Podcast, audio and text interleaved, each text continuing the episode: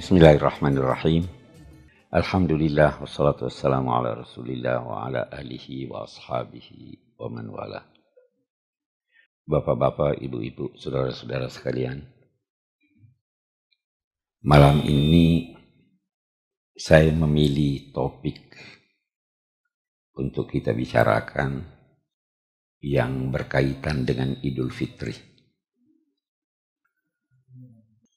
Ada beberapa hal dalam masyarakat kita, masyarakat Indonesia, yang mungkin kalau kita merujuk ke Al-Quran, merujuk kepada sunnah Nabi, kalau kita merujuk ke sana, mungkin hal tersebut perlu kita luruskan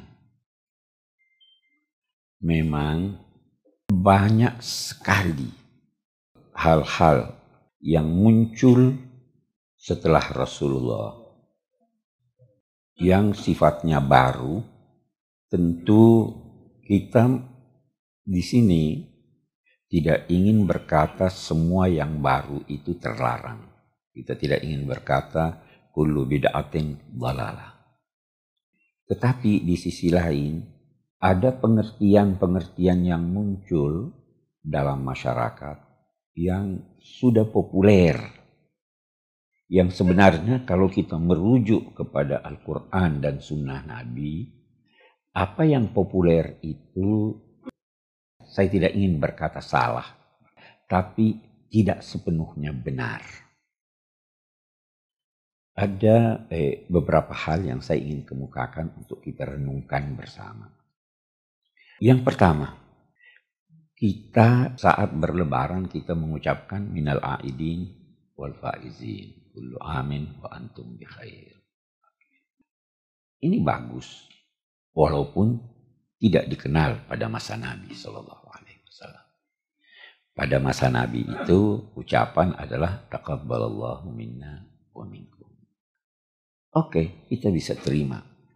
Yang saya pribadi merasa terganggu ketika orang atau masyarakat, TV, koran menamai Idul Fitri itu dengan hari kemenangan.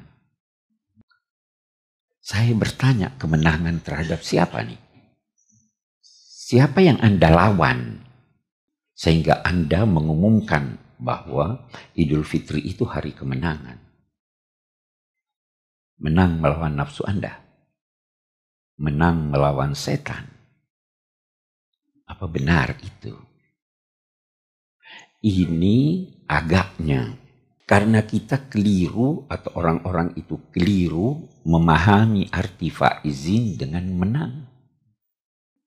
Padahal perjuangan melawan nafsu, perjuangan melawan setan, pertempuran itu berlanjut tidak ada hentinya kecuali setelah kita mati. Bisa jadi Anda menduga diri Anda menang, padahal sebenarnya Anda sudah kalah. Setan itu paling pandai.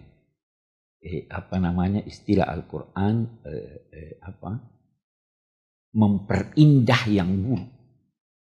Zayyana lahumus syaitanu a'malahum Setan memperindah buat mereka.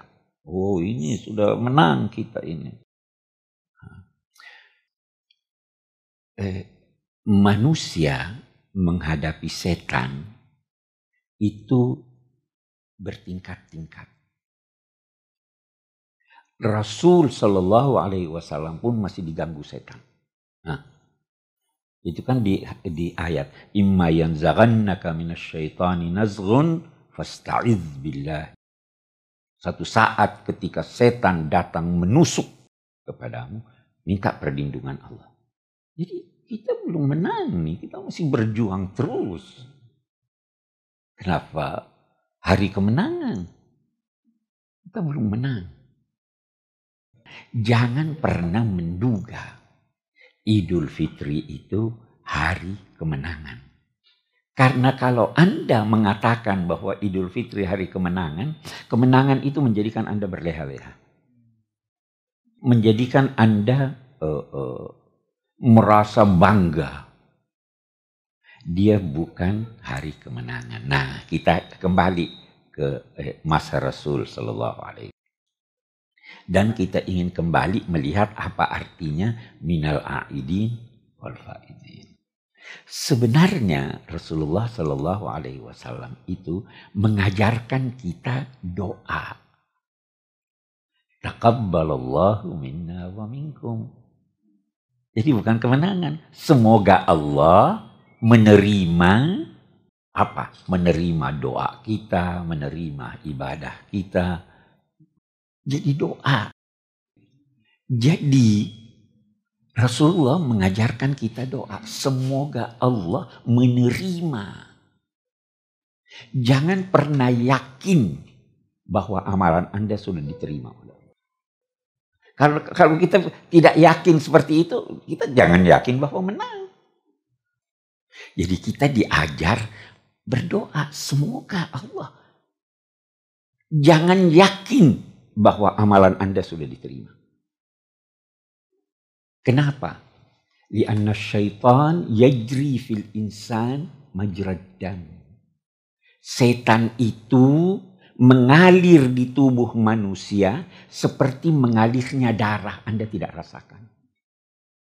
Ria itu, pamrih itu, kan 16 sauda. Tamshi fis sakhra al-lamsa fil lailatiz zalma ria. Ria itu seperti semut hitam, Anda tidak bisa lihat, di keramnya malam dan berjalan di atas batu yang licin. Anda tidak rasakan. Bagaimana Anda berkata Anda sudah menang? Ketakwaan itu adalah keprihatinan plus harapan. Jadi nuhsinu zon billah itu. Betul. Tetapi la tuzakku anfusakum huwa a'lamu bimanittaqa. Jangan memuji diri kamu. Allah yang mengetahui siapa yang bertakwa. Nah, kita kembali sekarang melihat. Ada ucapan yang lain minal a'idin wal faizin. Ini juga doa. Saya ingin berkata begini. Ajaran Islam itu adalah kebersamaan. Walaupun Anda salat sendirian, kita diajarkan karena budu wa karena nasta'in bil jama' walaupun tusalli munfaridan. Taqabbalallahu minna wa minkum. Dia tidak berkata taqabbalallahu minni wa minka. Taqabbalallahu minna dari kita semua dan dari dari kami dan dari Anda. Ah, begitu juga minal aidin wal faizin. Kita terjemahkan dulu. Semoga kita termasuk kelompok orang-orang yang kembali kepada fitrah. Dan semoga kita termasuk orang-orang ah, al-faizin. Orang-orang yang menang atau tidak? Tunggu dulu. Kalau kita membuka lembaran-lembaran Al-Quran. Ada sekitar, saya kira sekitar 20, tidak sampai 30 kali kata-kata fauz itu terulang.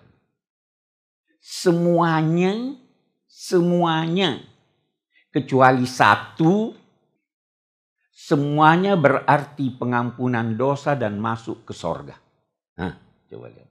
Wa man zuhziha 'anil nari wa udkhilal jannah faqad faza. Wa may yuti'illah wa rasulahu faqad faza fawzan 'azima. Fauz itu pengampunan dosa dan masuk ke sorga. Jadi ketika kita berkata minal aidin wal faizin, semoga kita termasuk kelompok orang yang diampuni Allah dan masuk ke sorga. Bukan hari kemenangan. Tapi sudah ini, ini terlalu banyak itu dalam masyarakat kita yang eh, sudah salah kaprah sejak semula. Sehingga kalau kita tegur, dia oh, ini tidak benar, ini ini salah, ini apa. Padahal tidak seperti itu, terlalu banyak itu. Hanya sekali dalam Al-Quran ada kata fauz yang berbentuk saya afuz. Itu dia katakan fa'afuza fauzan azima. Itu itu diucapkan oleh orang munafik. Dia tidak terlibat dalam perang, Tiba-tiba kaum muslimin menang, membawa harta rampasan yang banyak, terus dia katakan, "Aduh, seandainya saya ikut orang-orang mukmin berperang, niscaya saya akan memperoleh fauz yang besar." Jadi yang merasa sendiri, orang mukmin tidak merasa menang sendiri. Orang mukmin tidak mau masuk sorga sendiri. Saya selalu berkata begini, sorga itu terlalu luas itu itu satu menyangkut eh, yang kita ingin luruskan. Jangan merasa selesai. Itu sebabnya ada ulama-ulama kalau ditanya begini. Hal anta mukmin? Dia jawab apa? Ada yang tidak jawab, ada yang jawab mukmin insya Allah. Tapi kalau ditanya hal anta muslim? Nah, anak muslim. Saya muslim. Kenapa? Saya udah ucapkan dua kalimat syahadat. Jangan pernah berkata kepada orang yang mengucapkan dua kalimat syahadat, dia bukan muslim, dia muslim. Tapi mukmin tidak. Itu nanti ada ayat qalatil a'rabu amanna qul lam tu'minu walakin qulu aslamna. Oke, ini satu yang saya ingin luruskan. Yang terakhir, saya kira ada yang mengikuti kemarin atau kemarin dulu di koran Kompas Idul Fitri itu hari raya makan, iya. Saya tidak tidak apa namanya tidak berkata itu salah. Memang fitur itu artinya asalnya membuka dan me, me, menampakkan itu arti fatar. Membelah sehingga nampak. Ida sama um fatarat membuka. Itu sebabnya barangkali ya kita kalau puasa mau makan kita katakan buka puasa. Ya, itu sebabnya kita katakan iftar. Bukan puasa kan? Wajar. Itu salah satu makna fitr. Zak, itu sebabnya juga eh, Idul Fitri dikaitkan dengan zakatul fitr. Itu makanan kan? Jadi ada kaitannya memang dengan makan. Tapi kesan saya, kalau kita kaitkan dengan makan ini rasanya terlalu sepele ini hari raya makan. Saya lebih ingin memahami fitr itu dalam kaitannya dengan fitrah. Fitrat Allah illati fataran nasa. Kullu mauludin yuladu alal fitrah. Orang yang berpuasa diterima puasanya itu hapus dosanya sebagaimana dia ketika dilahirkan pertama kali, ya kan? Nah, fitrah itu ada tiga. Fitrah itu suci. Suci itu ada tiga unsurnya. Baik, benar, dan indah. Baik, al-khair.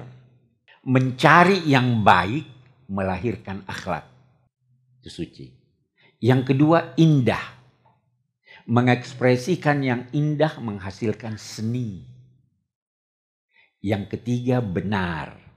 Mencari yang benar menghasilkan ilmu. Jadi yang suci selalu baik, selalu benar, selalu indah. Kita beridul fitri, berusaha menjadi baik, hubungan kita menjadi baik, berusaha untuk benar, semua apa yang kita lakukan itu dilakukan dan dibenarkan oleh ilmu pengetahuan dan semuanya indah, Sehingga yang beridul fitri itu ilmuwan, budiman, dan seniman. Kan indah. Ini jauh lebih indah daripada saya berkata hari raya, makan. Saya kira itu